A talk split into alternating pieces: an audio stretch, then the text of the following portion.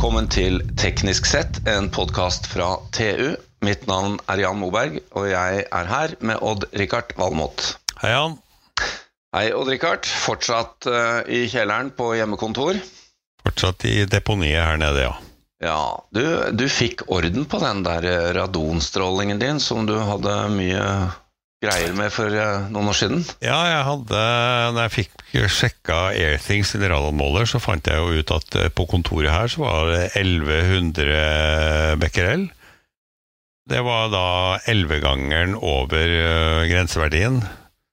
Og når kona oppdaga det, så ble det satt i gang tiltak. Ja, Men du sitter det... ikke der nå uten at det har blitt gjort ordentlige tiltak? Nei, ja, nå ligger det på hund, rundt 100. Ja. Og det, er, det, går jo greit. Det er godt å høre. I'm still alive. For uh, vi skal snakke litt om eh, stråling i dag. Og uh, vi har jo hatt uh, et par podkaster om kjernekraft, Odd Rikard. Og ja, annet om fjerde generasjons, som, som vi håper kommer da, ganske raskt. Men i dag så tenkte vi å snakke om det som har foregått i Norge. Vi har jo hatt kjernekraftverk i Norge også. Men nå er vi jo ute av atomalderen, men vi sitter med en liten opprydningsutfordring. Ja. Det er vel mer forskning vi har hatt i Norge enn kjernekraft. Ja, det er vel riktig å si. Vi har vært i atomalderen, men er på ja. vei ut. Og hva, Det har vært mye diskusjon om hva som skjer med dette avfallet, da, som tross alt har blitt lite grann mikroskopisk i en internasjonal sammenheng, men uh, det koster å ta vare på, eller å behandle det. Så Eh, vi har fått med sektordirektør hos Norsk nukleær dekommisjonering, Nils Bøhmer. Velkommen. Takk for det. Først og fremst så håper jeg du faller til ro om at Odd Rikard er innenfor eh, tolerante grenser og stråling i sin kjeller. Det høres, veld, det høres, veldig bra ut. Jeg skrev jo i sin tid hovedoppgave om akkurat radioen, så ja. Nettopp! Ja, ja. Så, ja, men det er veldig bra. jeg kan, jeg kan invitere på radonfest her. Ja, ja. Men Nils, siden du er inne på det, det, er jo bra at vi kom bort fra disse filmrullene. da. Nå, nå har man jo en langt bedre måling av radon. Ja da. Jeg, husker jeg, jeg holdt på med filmruller, og jeg holdt også på med noen TLD-krystaller i aktiv kull i sin tid, som var ganske mye jobb med å måle. Så ja. det er jo morsomt. De nye Airthings og andre er jo veldig morsomme systemer. Men vi får ta fatt på det vi skulle snakke om, nemlig det som er igjen etter aktivitet eh, på Kjeller og i Halden. Hva, hva, er det vi snakker om? Nei, Som du sier, så har vi hatt forskningsvirksomhet på atomkraft i 70 år i Norge. Vi har hatt fire reaktorer i drift. Vi har hatt en rekke anlegg som har vært brukt til å undersøke brenselet. Vi har hatt et forsøksanlegg for å se på om det gikk an å reprosessere det brukte atombrenselet. Eh, så vi har jo hatt Og det har jo skapt både radioaktivt forurensning, radioaktivt avfall. Eh, vi har også fått eh, en del bygningsmasser som er radioaktivt forurenset. Og så har vi brukt brensel, sånn 16-16,5 tonn med brukt brensel, som enten det er da lagret fem lagre i Norge, eller befinner seg i reaktorområdet, i reaktoren på Kjeller og Halden. Eh, så det skaper ganske store utfordringer når vi skal plukke dette fra hverandre og sørge for at vi får en trygg, endelig deponering av alt det radioaktive avfallet. Ja, for det er vel riktig å dele det her i to, kanskje? Det, altså det høyradioaktive, som representeres ved selve brenselstavene og alt det andre som er det store volumet, men som har mye kortere halveringstid og ikke er så strålingsfarlig? Ja, øh, generelt sett så kan man jo si at i hvert fall 95% av all radioaktiviteten befinner seg i det brukte brenselet. Ja. Eh, så der er hovedmesteparten av radioaktiviteten er i det brukte brenselet, og også det brukte brenselet er det som er, har lengst levetid, har lengst halveringstid.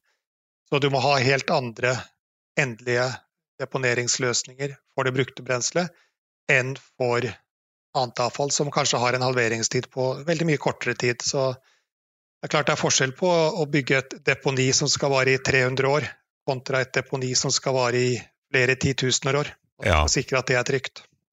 Og du sa det var ca. 16 tonn med brukt brensel, og hvis du ser på egenvekten til, til uran og de tinga som inngår der, så er, er det jo ikke så mye mer enn en kubikkmeter? Nei, det er volum er ikke noe problem. Det er jo radioaktiviteten i det som er problemet. Ja. Eh, så vi trenger ikke så veldig stor plass for å håndtere det, men vi må sørge for at det er trygt, og at det er trygt i lang tid framover. Vi, vi, må jo bare komme inn på, Nils. Eh, du hadde før sending her eh, Du snakker om 16 tonn avfall i Norge. Vi er jo nabo med en kjernekraftnasjon, og en ekte kjernekraftnasjon som, som, har hatt kjernekraft som en del av, av nettet sitt. Det er ganske mye mer avfall i Sverige? Ja, svenskene har jo planer om å starte bygging av et deponi som skal ha en kapasitet på 12 000 tonn brukt brensel. Altså, enn, nei, altså nesten tusen ganger av hva vi har? Ja. Og det er klart, det er jo et helt annet skala. Så av og til når jeg er ute og snakker med internasjonale kollegaer, så ser de jo litt rart på meg når jeg sier 16 tonn. Ja. Det, jo, ja. det, blir jo en helt, helt annen størrelsesorden enn det de holder på med. De vil ikke snakke mer med deg, da? Nei, nei de syns jo det er litt interessant for det, men allikevel, det er ganske stor forskjell fra de store atomlandene og det vi holder på. Og I mm. tillegg så har du da Danmark, som har hele 250 kilo med brukt brensel. Oi! Da er det et, et sted vi endelig er eh, større enn danskene. Ja. Men det er klart, de må jo også, uansett om det er 250 kilo eller 16 tonn eller 12 000 tonn, så må man jo sørge for at man får et, et altså det ned i et sluttdeponi. Eh, og I Norge så har man jo beregnet at prislappen for å bygge et deponi for det norske brenselet og det andre radioaktive avfallet kommer til å koste rundt 8-9 milliarder kroner. Eh, det som er gjengs oppfatning, er jo at det å bygge såkalt eh, fjellhaller i geologisk stabile formasjoner, 500-600 meter ned i granitt, som man gjør i Sverige og i Finland, er den beste løsningen. Eh, vi i Norge har jo lite volum, lite avfall med det høyaktive avfallet, så vi har jo sett for oss muligheten for om vi kan benytte oss av såkalt dype borehull som en deponiløsning, og at det kan trolig være billigere enn å bygge en slik fjellhall på 400-500 meters dyp. Og da, og da, benytter du eh, kunnskap og teknologi fra, fra virksomheten ja, i Nordsjøen, da? Da har jo I Nordsjøen så har man bygget mange hull, mange dype hull. Man har også gjort mye med forsegling og, og av disse borehullene, sånn at det ikke lekker ting tilbake igjen. Eh, litt av utfordringen er at i Nordsjøen så har man type eh, diameter på 20 cm. Vi ønsker et hull som har en diameter på 70 cm. Men mye av teknologien, teknikken, er mye av den samme uansett. Eh, så det er fullt mulig å lage et borehull på de to, to kilometers dybde med en diameter på, på 70 cm. Og at det nok kan bli billigere enn å bygge en sånn Drive ut en tunnel og, og ned til en fjellhall 500-600 meter ned i bakken.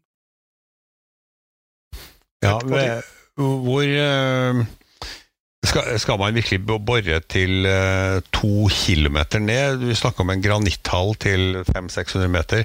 Er det nødvendig å bore mye dypere hvis du, hvis du gjør det i form av et borehull? Ja, Vi har sett litt på foreløpig, så kan vi kanskje klare oss med halvannen kilometer. Ja. kilometer halvannen. Men det kommer helt an på hva slags type geologiske formasjoner du borer i. Ja. Uh, det du ønsker med en, bor, en borehull, er å komme ned så dypt at du ikke har noe bevegelse i grunnvannet. Slik at den bevegelsen, hvis det skulle lekke ut, ikke skjer.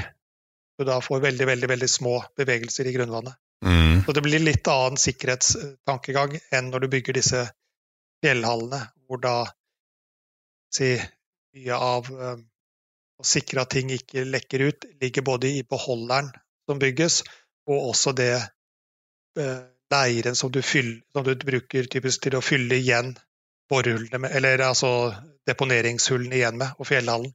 Fordi leire vil være Det ekspanderer og etterlater seg ingen sprekker når det blir vått. Det er en sånn selvforsterkende effekt. Hvis det skulle komme vanninntrengning, så vil leiren ja. Ekspandere og tette igjen deponiet. For i granitten så vil det alltid være sprekker som grunnvannet kan komme gjennom. Så fyller du på med leire, så vil du få selvforseglende effekt i, et, i en sånn fjellhall under bakken. Så vi ser på litt andre mekanismer når vi ser på borerull og går dypt ned. Men dere skal bygge altså en, en enorm hall som tar vare på det lavradioaktive med relativt kort halveringstid. Så tar dere av den her kalles kubikkmeteren med brukt brensel. Hvordan fordeler kostnadene seg der? Nei, Størstedelen av kostnadene ligger nok på hva skal vi si, det høyaktive avfallet. Eh, det er nok ikke den, Det vil være en, kost, en, relativt betydelig kostnad også for det lavaktive, lav- og mellomaktive avfallet. Eh, men ja Fra de 8-9 milliardene så vil nok bruke noen milliarder på bare hvis du hadde vært sluppet å tenke på det høyaktive avfallet. Så det kommer til å Altså, vårt oppdrag er jo å være mottaker av alt radioaktivt avfall i Norge de neste 100 årene. Alt det som kommer fra dekommisjonering, som vil være det største volumet. Ja. Eh, men også ta imot avfall fra medisin, fra forskning, fra industrien som bruker en del radioaktive kilder i sin virksomhet. Og så tar vi også vare på røykvarsler som inneholder små radioaktive kilder. Så uansett om vi hadde hatt atomanlegg i Norge, så måtte Norge bygget opp et, et deponi for den andre type radioaktivt avfall. Den mm. industrielle biten. Men eh, Nils, jeg, vi har jo fått med oss at det også har vært et Sverigespor for, for, dette, for disse 16 tonnene vi snakket om, bare for å ta det når de skal bygge et så stort anlegg, ville det ikke vært bra for oss og god økonomi for svenskene at vi kjøpte oss inn der og fikk en liten tusendel av deres eh, kapasitet? Vi har for så vidt vært både i Finland og Sverige og spurt akkurat det spørsmålet. Men eh, foreløpig så sier de veldig høyt og tydelig nei, at det ikke er mulig. Eh, så kan det hende at ting endrer seg litt når deponiene har åpnet og man har fått litt driftserfaring med det at man kanskje ser at her kan det være åpning for såkalt nordisk løsning. F.eks. Norge og Danmark, som har så små mengder med høyaktivt avfall eh, sammenlignet med Finland og Sverige, at man kanskje kan på sikt gå inn i en sånn løsning. Men eh, vårt hovedspor er å bygge et nasjonalt anlegg i Norge. Eh, både, altså, for tiden så er jo både forbyr både svensk og finsk lov forbyr jo import av radioaktivt avfall. Så akkurat nå så er det ingen nordiske land som har åpning for å ta imot dette avfallet. Også, Men det er klart, vi, følger, ja. vi, vi, vi, vi, tar dette opp i riktig forum, og så får vi se hva som skjer. Det er jo store kostnader. Og så må jeg stille det spørsmålet som, eh, som jeg, jeg, skjønner jo at, eh, at, det finnes gode svar på, men kan man ikke egentlig bare skyte dette opp i rommet og mot sola? Så slipper man å ha det rundt seg. Jo da, det har vært vurdert at, uh, som en del av mulighetsrommet, det. Men man har vel konkludert med at den risikoen knyttet til oppskyt, oppskytningslinje er for stor til at man tar risikoen på det. At uh, det har jo vært raketter som enten har eksplodert under oppskytning eller ikke har kommet helt ut i bane osv. Så, så, så den uh, er nok ikke teknisk sikker nok. Så har man også sett på muligheten for å kaste dette opp i aktive vulkaner osv. osv. Ja, riktig. Dumping ute ut i havet foregikk også Ja, svenskene dumpet radioaktivt avfall i Atlanteren på 70-tallet. Eh, russerne dumpet jo i Barentshavet fram til 90-tallet. Det er nå forbudt i henhold til internasjonale konvensjoner som Norge også har forpliktet seg til. Heldigvis. Ja. Er det egentlig så farlig, da? For havet inneholder jo ganske mye naturlig radioaktivitet? Kan man si, men uh, da kan man tenke sånn på mange andre kilder også. Ja, det er mange, mange, små kilder som til slutt gjør at man får, får store konsentrasjoner. Og så er det jo Det vil jo være et lokalt forurensningsnivå der hvor det eventuelt blir dumpet. Det er klart. Man har nok eh, gjort det fornuftig å forby den type virksomhet. Men Nils, nå har vi snakket en del om dette, dette konsentrerte avfallet. Men eh, dere skal jo også plukke fra hverandre anlegg Og uh, her har det jo vært uh, Eller her er det jo også kontorbygg og disse områdene, landområdene eller eiendommene, skal jo også bli tilgjengelig igjen. Det er jo en annen viktig del av oppgaven. Hvordan stiller ja. det seg?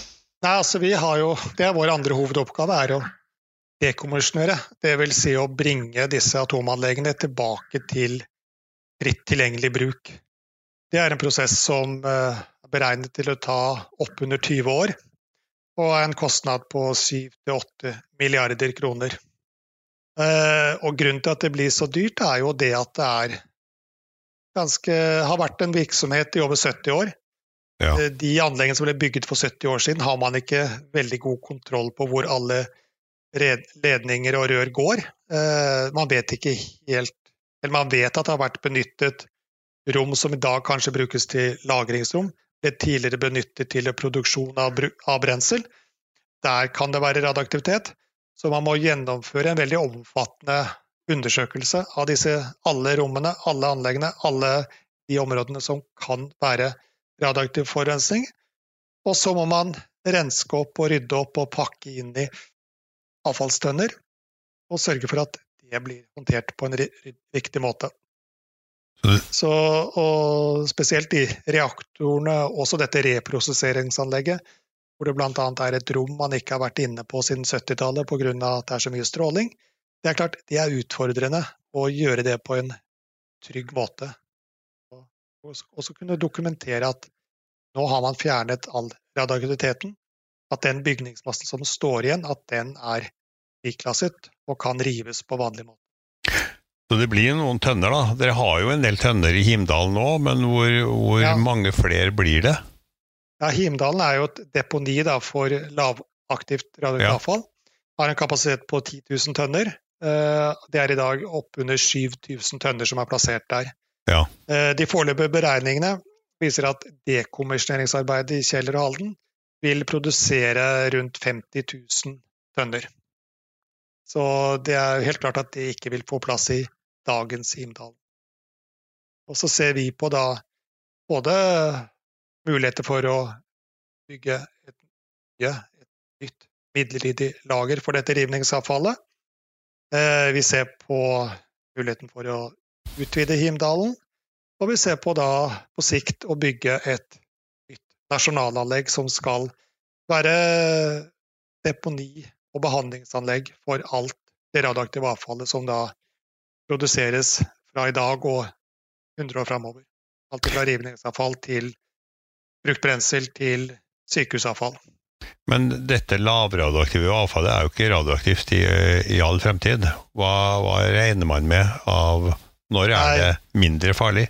Ja, Mye av det lavradioaktive avfallet har jo en halveringstid på 30 år. Det er snakk om ja. cesium og strontium. Og da regner man ti, års, ti ganger halveringstiden, så er det nede på null. Og okay. Det betyr at mye av det som, avfallet som er i Himdalen, eller aller, aller meste av det som er i Himdalen, vil være nede på naturlige nivåer om 300 år. 300 år, ja. ja. Så det er jo håndterbart. Mens ja. det brukte brenselet er jo en litt annen ballgame. Da snakker vi om titusener av år. Så det er klart Det er jo en helt annen utfordring å lage sikkerhetsrapporter og sikkerhetsstudier som viser at dette er trygt i det tidsperspektivet. Mm. Vi er jo inne på litt av den samme litt av det samme perspektivet når det er snakk om lagring av CO2 i, i grunnen ute i Nordsjøen, hvor hvor vi må være sikre på at dette kan eh, binde seg og være i årevis. Så, så, eh, det er jo litt sånn nye problemstillinger hvordan vi håndterer dette. Ja. Men eh, Nils, kan du ikke komme litt tilbake avslutningsvis her på eh, Dere skal jo ta imot fra industri og medisin. Eh, det har jeg skjønt. Eh, så dette er jo ikke bare opprydningsarbeidet, men det er også et, et, en virksomhet som skal kunne ta imot det som vi bruker i industrien og og på sykehus og annet. Hva, hva er kildene derfra? Hvor kommer det fra? Ja, det brukes jo mye ute i Nordsjøen på, på teste brønner, teste sveiseskjøter. Man bruker det på industrien i land til bruker man radioaktive kilder som nivåvakter i, i store ta, industritanker for å se hvor høyt opp eh, flytende væske står. Man bruker eh, I medisin så bruker det til kreftbehandling. Man får også kreftbehandling, som vil også bruke stråling til å drepe kreft, men noe av den strålingen vil også aktivere betongen rundt anlegget, slik at du vil få radioaktivitet produsert i betongen. Det må håndteres når man skal rive disse sykehusene. Eh, vi har røykvarsler som inneholder radioaktive kilder, som også skal inn på et deponi, og, i, som nå deponeres i Himdal. Så det er et langt spekter av, av kilder og, og, og, bruk, men mye av dette er type så veldig langlivet avfall. Mm. Og disse kildene har kanskje bare halveringstid på fem år, noe har 30 år. Så har du da noen litt lengre halveringstider. Men det kommer hovedsakelig fra det høyaktive avfallet, det brukte brenselet. Og Richard og jeg har laget et par podkaster om kjernekraft, bl.a. som vi nevnte fjerde generasjons, hvor man brenner eh, gammelt avfall. Er det, er det ligge, hva er, uh, har dere noe offisielt syn på det? Hvor, hvor uh, sannsynlig det er at det vil være en, uh, en arvtaker for denne problematikken? Ja, altså Vi som NND har jo ikke noe, vi er nøytrale i forhold til synet på kjernekraft. Men jeg har jo sett litt på disse fjerdegenerasjonsreaktorene, og det er jo ikke alt, alt, avfall som kan brenne Man får alltid uttrykk som at alt avfall kan, brennes i disse fjerdegenerasjonsreaktorene, og det er vel en sannhet med modifikasjoner.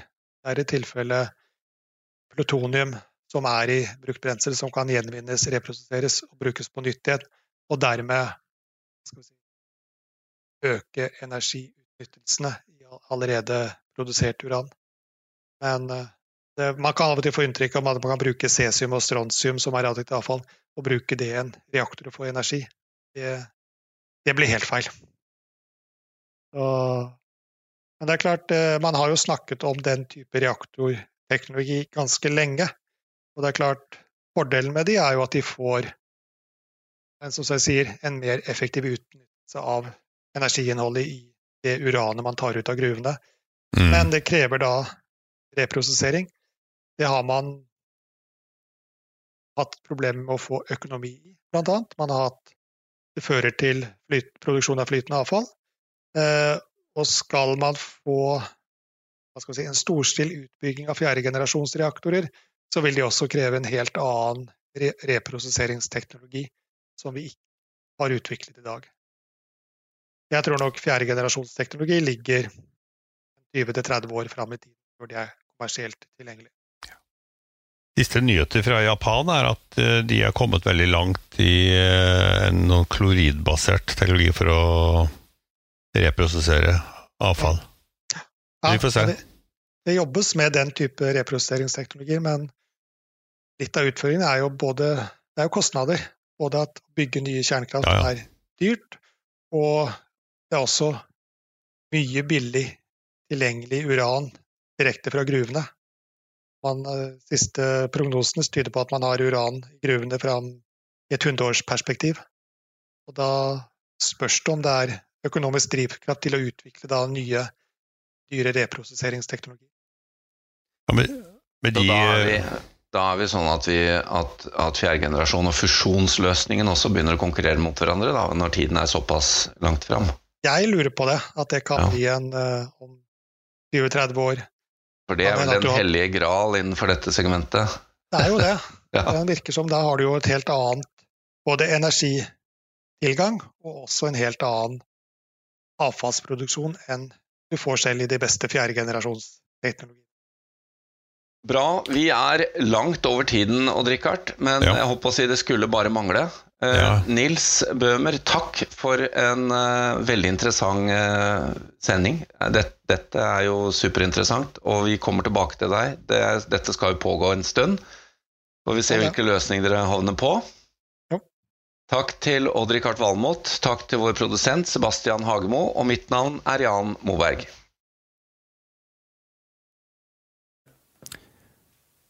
Dersom du ønsker å konsumere enda mer innhold fra oss i TU.no og digg.no, anbefaler vi at du blir abonnent. Det vil gi deg tilgang til alt vårt innhold innen energi, elektrifisering, forsvar, fly, samferdsel, byggenæring, industri, maritime næringer, karriere og mye, mye mer fra vår kyndige redaksjon. Du vil da også få tilgang til alle sakene Odd-Rikard skriver om sine 687 favorittområder. Vi har også egne avtaler for bedriftsabonnement, og som om ikke det var nok, medlemmer av Nito og Tekna for halv pris.